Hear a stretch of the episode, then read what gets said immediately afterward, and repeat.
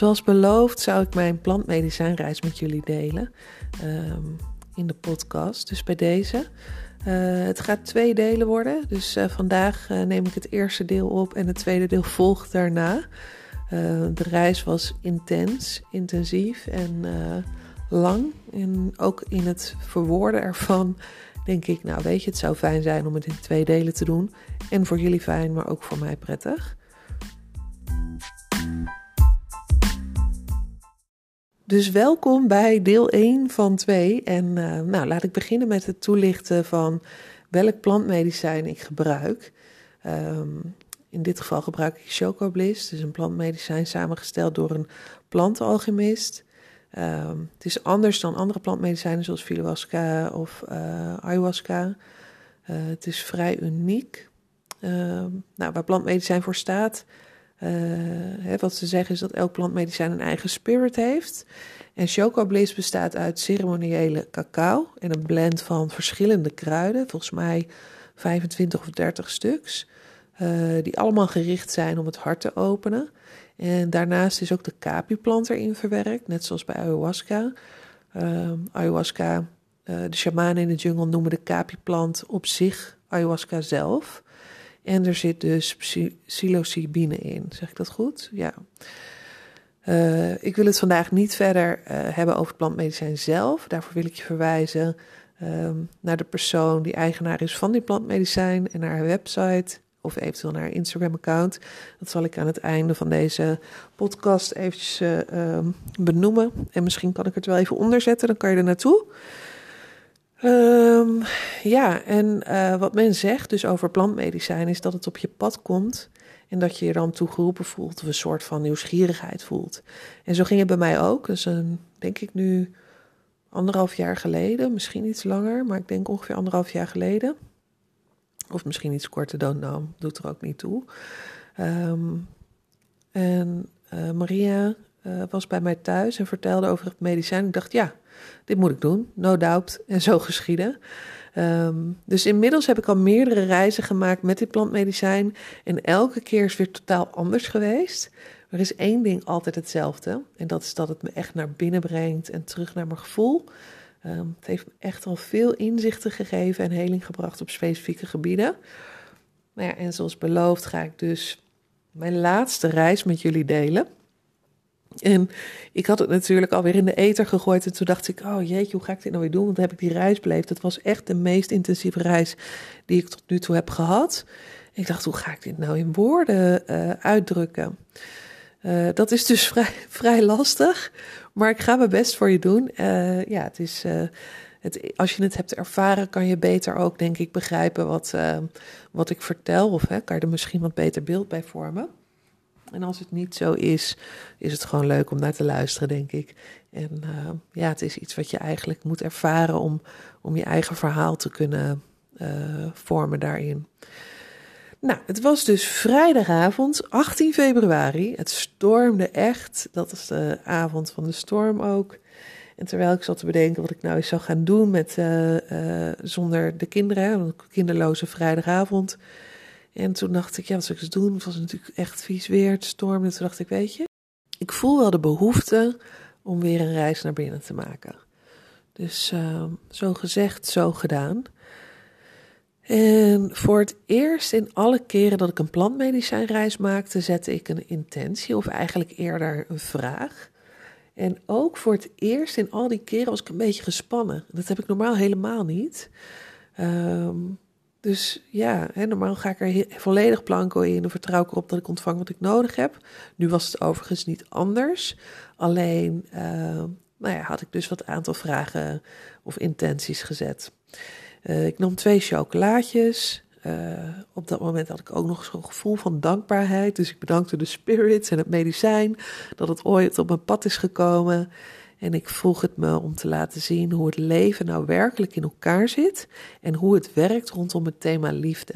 Dus dat was de intentie of de vraag die ik had neergelegd. En me er ook van bewust dat ik misschien helemaal niet dat zou ontvangen, maar um, ja, dat is wat ik, uh, waar ik behoefte aan had. Ehm, nou, het ging als een malle tekeer buiten natuurlijk. Ik had uh, mijn indianenmuziek afspeellijst aanstaan. Ik heb eigen afspeellijst daarvoor. En uh, zat rustig in kleermaken zitten op de bank. Rustig te wachten tot het begon in te werken. En uh, nou, na zo'n 20 minuten, meestal duurt het zo'n 30 minuten, maar het ging vrij snel. En na zo'n 20 minuten voelde ik dat mijn zintuigen wat scherper werden. De schaduwen op de muur werden duidelijker. En de geluiden van de harde wind en de regen tegen de ramen begonnen langzaam aan binnen te dringen, alsof het een beetje mijn eigen huis aan het stormen was. Ik had verder geen lampen aan, alleen kaarsjes en dus de muziek. Nou, ik begon me te focussen op de klanken van de muziek. En terwijl ik de kamer rondkeek, merkte ik op dat er een nou, kleine vertraging kwam in mijn beeld. Dus ik besloot om te gaan liggen op de bank, lekker twee kussens onder mijn hoofd, dekentje over. En uh, nou, ik lag met mijn benen wat opgetrokken. En ik keek dus naar buiten het donker in. En ik zag de bomen achter mijn huis hevig heen en weer bewegen door de storm. En op dat moment kroop er een soort van spanning door mijn lijf. En eigenlijk dus waar ik het in eerste instantie ook al voelde, dat ik wat spanning voelde, kwam dat nu weer. Dat ik dacht, hé, hey, dit heb ik nog niet eerder gevoeld zo. Dus ik vroeg mezelf af, ben ik nu bang of waarom ben ik dan bang? En tegelijk vertelde ik mezelf dat alles veilig was, dat alles precies goed is zoals het is. En dat ik op mezelf en de reis die voor me lag vertrouwde. je ontvangt precies wat je nodig hebt, Judith. Vertrouw op jezelf, adem in, adem uit. Zoals ik mezelf intern aan het begeleiden, zoals ik vrienden en vriendinnen ook wel eens door een ceremonie heb geleid. Nou, nu begeleid ik dus op die manier mezelf. Ja, en het bleef me dus wel verbazen, zelfs nu ook weer als ik het zeg, dat ik dat nog niet eerder zo nodig heb gehad. Maar ja, dat ik dus dat nu voor het eerst wel zo ervaarde. Ja, ik begon geleidelijk aan dieper en dieper in het gevoel te zakken. En waar ik normaliter dan wat kleuren ga zien of beelden zie bewegen, gebeurde er nu niets. Behalve dat ik voelde dat de energie uit mijn lijf zakte. Dus van boven naar beneden, heel geleidelijk, voelde ik hoe mijn lichaam een soort van leeg raakte. Alsof het leven uit mijn lichaam wegvloeide. En uh, mijn bovenlichaam raakte echt, echt een soort van verstijfd. En ja, het voelde alsof ik niet meer kon bewegen. Terwijl ergens in mijn bewustzijn weet ik, ik kan gewoon bewegen. Maar ja, dus, dus het voelde echt alsof ik verlamde. En dat vloeide verder door, zeg maar. De energie vloeide verder weg uit mijn bekken, mijn bovenbenen, mijn onderbenen en uiteindelijk mijn voeten. En daar lag ik dan als een soort van verstijfd op de bank. Het was echt een hele bijzondere gewaarwording. En uh, ja, ik voelde me echt een, een leeg omhulsel. Gewoon, ja, verstijfd, leeg. Nou, en ik vraag me ondertussen af, wat is dit? En, en ja, ik ben dus ook iemand die in die reizen gewoon vragen stelt. Hardop, ik hoor mezelf ook heel vaak hardop praten, uh, discussiëren. Ik ben ook zo iemand die heel recalcitrant kan worden, bijvoorbeeld. en dat dan ook gewoon hardop uh, uitspreek in zo'n reis. Dus, um, dus ik vroeg gewoon op van, ja, wat vertel je me hier nou mee? Wat laat je me zien? Uh, ook interessant in zo'n reis dat je dus in derde persoon gaat praten. Hè? Dus je hebt echt een gesprek. Uh, ja, super interessant als je dat meemaakt. Nou, het voelde dus, uh, het voelt dus alsof ik niet kan bewegen, maar ik ben me super bewust van mijn omgeving, van de storm, de muziek, mijn woonkamer en mijn kat. Want mijn kat, die had ineens bedacht dat hij naar buiten wilde in de storm. En die stond daar echt te miauwen voor de tuindeur. En het valt me echt op dat hij onrustiger is dan daarvoor. En ik begin tegen hem te praten. Junior heette. Junior, wat is er? Je kan niet naar buiten. Het stormt, lieverd. Nou ja, je kent het wel. En terwijl ik liefkozend tegen hem praat, lig ik nog steeds als verstijfd. Uh, dus het was een heel apart uh, gevoel. Ik lig daar en ik ben bewust. Ik zie en hoor alles. Maar het was niet alsof ik in mijn eigen lichaam aanwezig was. Um, nou en terwijl ik dus uh, zo tegen hem praat, sluit ik mijn ogen weer en dwaal weer af naar binnen. En, maar ik hoor hem steeds wilde miauwen, maar ook, ik raak een beetje van afgeleid. En de spanning groeit daardoor ook, omdat ik echt voel dat hij ook gespannen is. Dus ik vraag ook hardop, waarom miauw je zo raar? En miauw, miauwde echt raar, uh, echt anders dan anders. En het is dus niet zo dat het dan, op dat moment weet je ook, is dit vervormd of is dit echt? En dit was, hij miauwde gewoon echt raar. En uh, ik kijk weer en ik zie dat hij in de vensterbank bij het raam zit. En de wind en de regen die ketsen volop tegen die ramen. En ik voel weer het moment van onrust. En, en plotseling kikt het in. En de wind en de regen dringen door en staan symbool voor het donker in de wereld. En ik word door het donker van de wereld omringd. En ik lig stil, heel stil, want mijn energie zit niet in mijn lijf. Ik lig daar verstijfd en aanschouw dus op een afstand. Uh, ik ben me er zelfs van bewust dat ik niet adem, maar toch geen ademnood heb. En ik vraag weer, wat laten jullie me zien? Wat moet ik hier uithalen? Hoe, uh, wat, wat is dit? En ik zie hoe ik intern in rust ben, terwijl de storm en de regen me omsingelt. Uh, dat het me vastgrijpt als een soort van klauwen, van, van nou ja, bijna het gevoel van takken van bomen die over me heen buigen. En ja, die boodschap op dat moment voelt heel helder.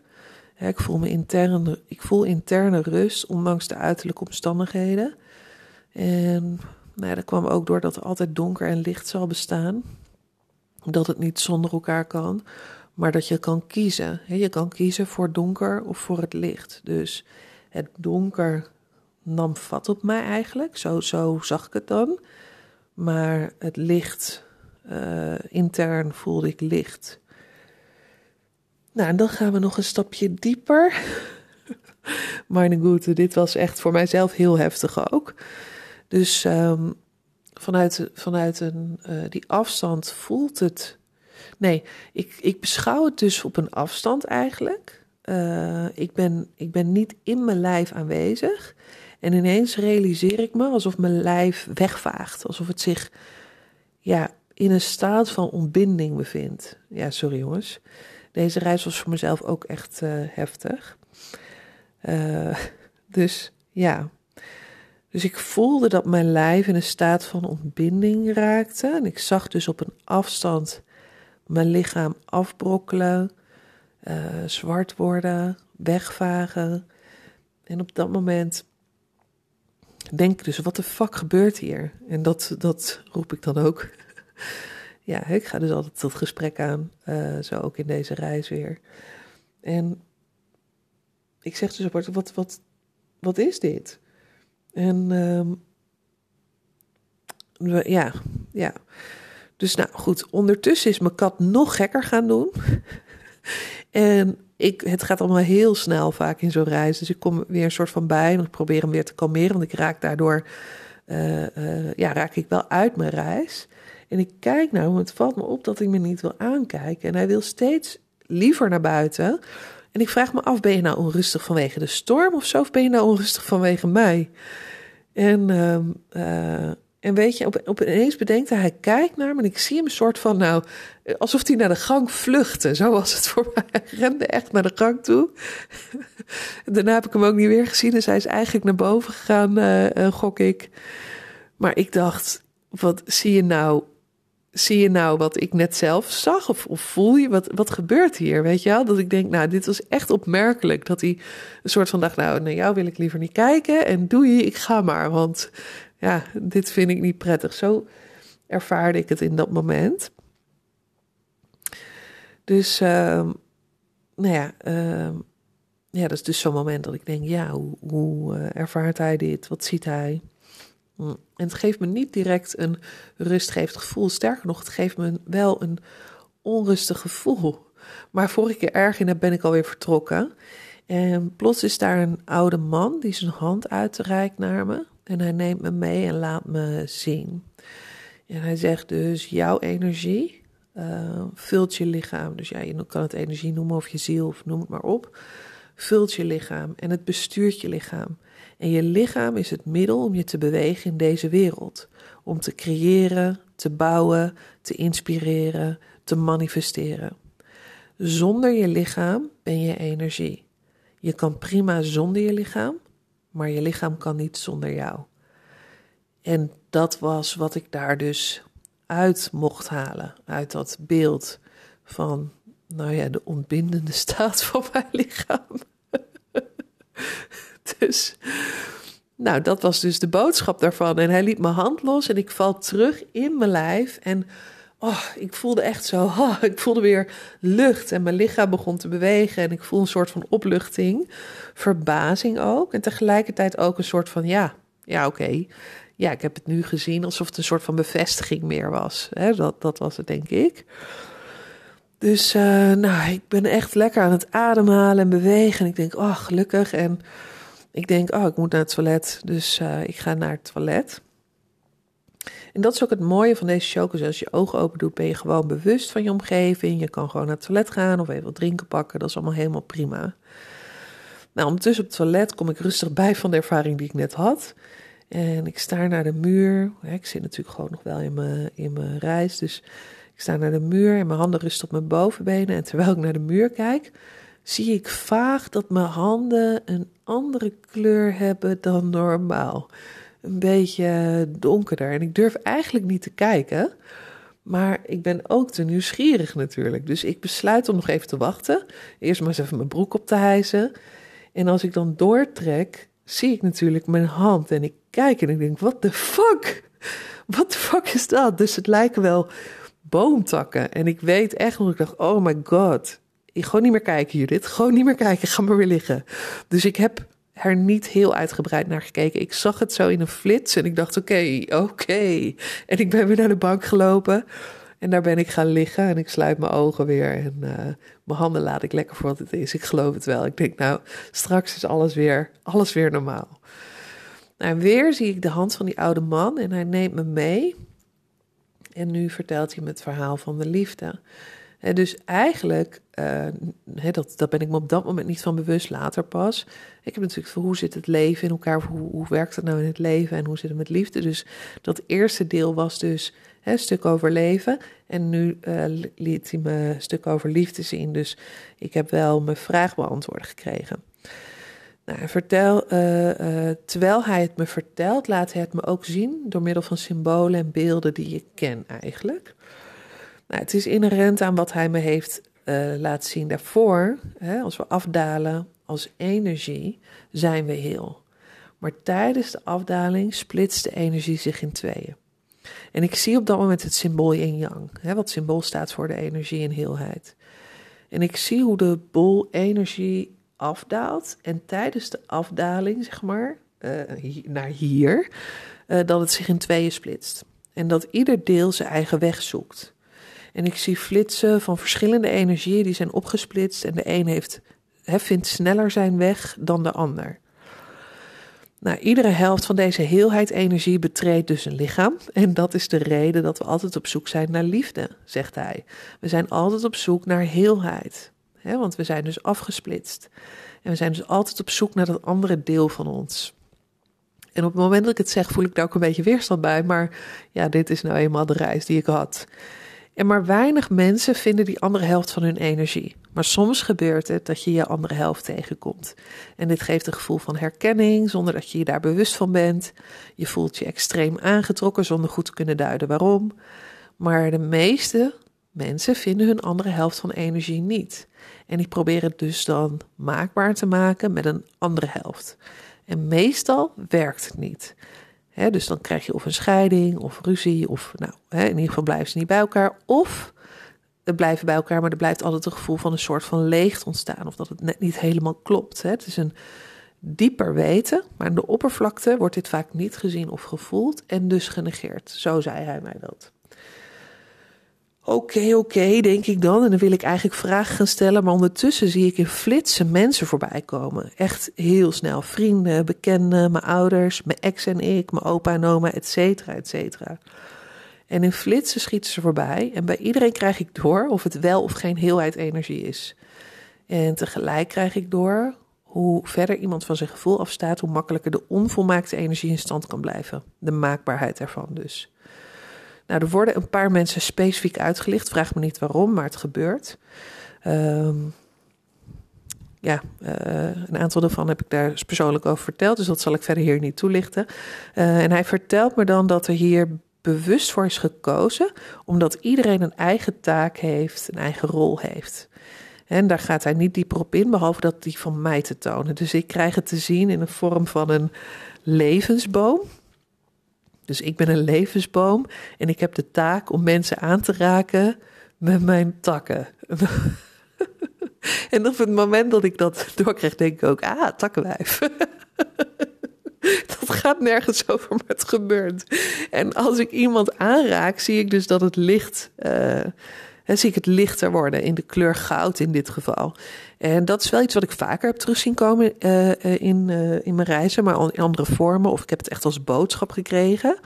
Maar nu kreeg ik het dus echt als in levensboom. Het is dus mijn taak om mensen aan te raken. En dus zodat ze hun eigen licht kunnen voelen, zien, ervaren, whatever, noem het maar. dat zijn momenten dat ik ook weer eventjes zeg, nou, op zo'n moment zeg ik, ik hoor mezelf hardop zeggen, nou, dan mag ik daar ook eens een keer wat meer voor betaald krijgen voor die taak. Interessant, hè? Daar kan ik zelf weer wat mee. Maar goed, hoe dan ook. Oké. Dus um, zo heb ik ook nog humor met mezelf in zo'n reis. Um, ja, oké. Dus op het moment uh, dat ik dus zie dat ik die levensboom ben, die dus uh, dat aanraakt in goud. Um, nou, dat is dus de reden dat je dus afgesplitst raakt, is dus omdat jij die taak hebt. Iedereen heeft zijn eigen taak. Uh, uh, je gaat op zoek. Dus je gaat op zoek naar die heelheid. Je gaat op zoek naar, die naar dat andere deel van jou. Of de liefde, zoals je het maar kan noemen. Dus je zal met meer mensen in contact komen. En dus zal je meer mensen kunnen aanraken. He, zo werd het me uh, verteld of laten zien. Of dat was de boodschap. En dat geldt dus voor iedereen. Dus we zijn allemaal op zoek om, dus een om, om eigenlijk onze missie hier te kunnen volbrengen. En de algehele missie is dan het licht brengen. Nou, ja, ik voel daar dan weerstand op en ik denk, oh even, wat een trieste bedoeling. Ik begin ook een discussie, hoezo dan hier en waarom niet daar? Waarom moeten we dan hier zijn? En daarop volgt gelijk weer uh, waar het ook mee start. Hè? Er is altijd sprake van donker en licht. Er is altijd sprake van strijd, zolang er geen overwicht is. Het doel is om overwicht te brengen zodat licht gaat overheersen en het donker een vaste plek krijgt, zonder dat het zich verder kan manifesteren. Nou goed, en daar moest ik het dan maar mee doen. Dat is de boodschap die ik kreeg.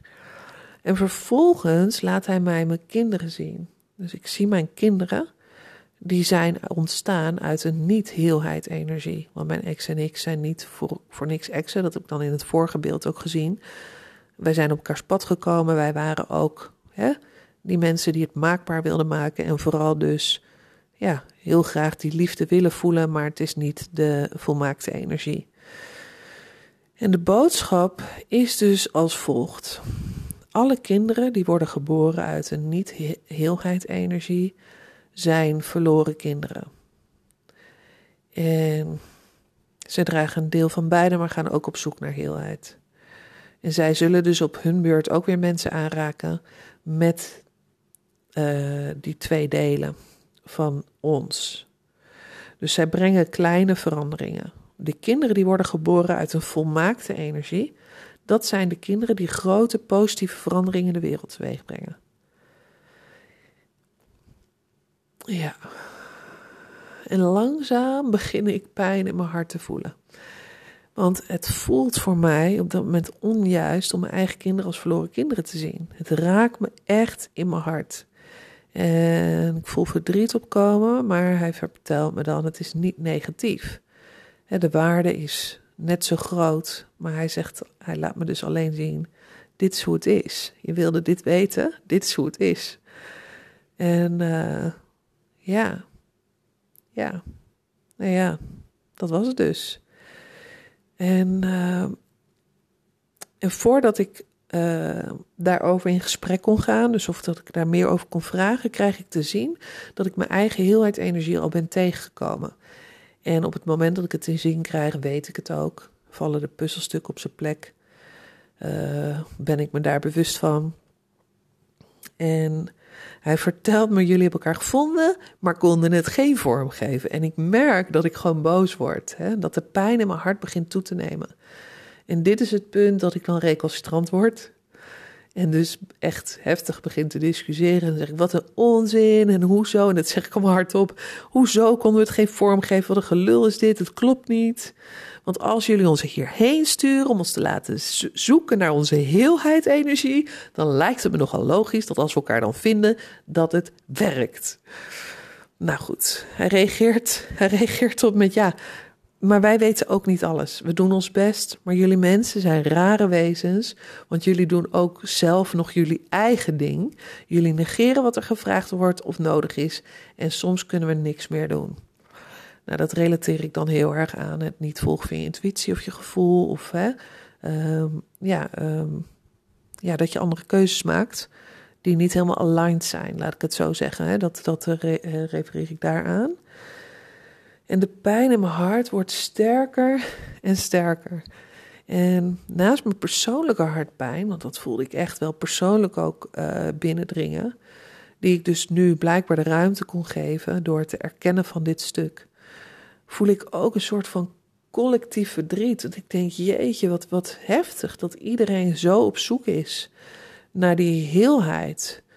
En terwijl de pijn steeds meer toeneemt, herhalen de volgende woorden zich: Je hart huilt, je hart huilt, je hart huilt. En op datzelfde moment begin ik echt keihard te huilen. En ik kan gewoon niet stoppen. Ik hoor mezelf echt huilen van de pijn, hard. Dat ik ook echt een moment heb van: Oh shit, pure. En ook roep: Wat de fuck is dit? Wat is dit? Omdat het zo zo heftig en intens was. Het kwam echt van, nou ja, vanuit mijn hart dus, laat dat duidelijk zijn. Maar het was echt, echt heftig. Ik heb mezelf nog nooit zo horen huilen ook. En ik kon dus niet stoppen. Ik kon niet stoppen. Uh, ja. En ik blijf dus maar uh, roepen, wat de fuck is dit? En tegelijkertijd hoor ik maar, je hart huilt, je hart huilt je hart huilt. Ik pak van narigheid maar een deken en ik hou deze voor mijn mond om zo het geluid te dempen. Want ik ben me echt zo bewust van dat ik echt zo'n fucking herrie maak. Dus uh, in die deken ben ik uh, aan het schreeuwen, eigenlijk bijna is het. En ik heb het maar laten gebeuren op dat moment, net zolang tot het stopte. Ik weet ook dat het zo werkt, dat je je gewoon moet overgeven aan dat wat zich aanbiedt. Dat is, het is er niet voor niks. En uh, op dat moment werd er een stuk van mij dus geheeld. Um, dus ik liet het gebeuren net zolang tot het stopte. En in mijn beleving duurde het heel even hoor. Was ik echt eventjes, uh, uh, nou ja, misschien twee minuten of zo. Maar het voelde daarna echt alsof ik twee uur lang heb zitten huilen. Mijn neus zat helemaal dicht, mijn hoofd deed pijn. Ik dacht echt, wow, heftig. Tot zover deel 1. Uh, in deel 2 neem ik je mee in een fysiek helingsproces. Iets wat ik in de dagelijkse praktijk ook heb kunnen toetsen.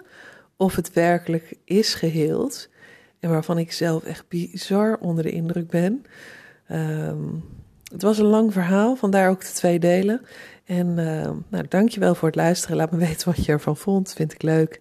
En tot de volgende ronde.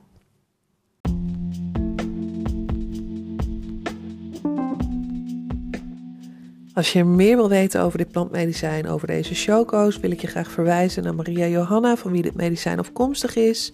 Op haar website kan je alle informatie vinden over deze magische chocolaatjes. En de website is www.houseofoneness.com.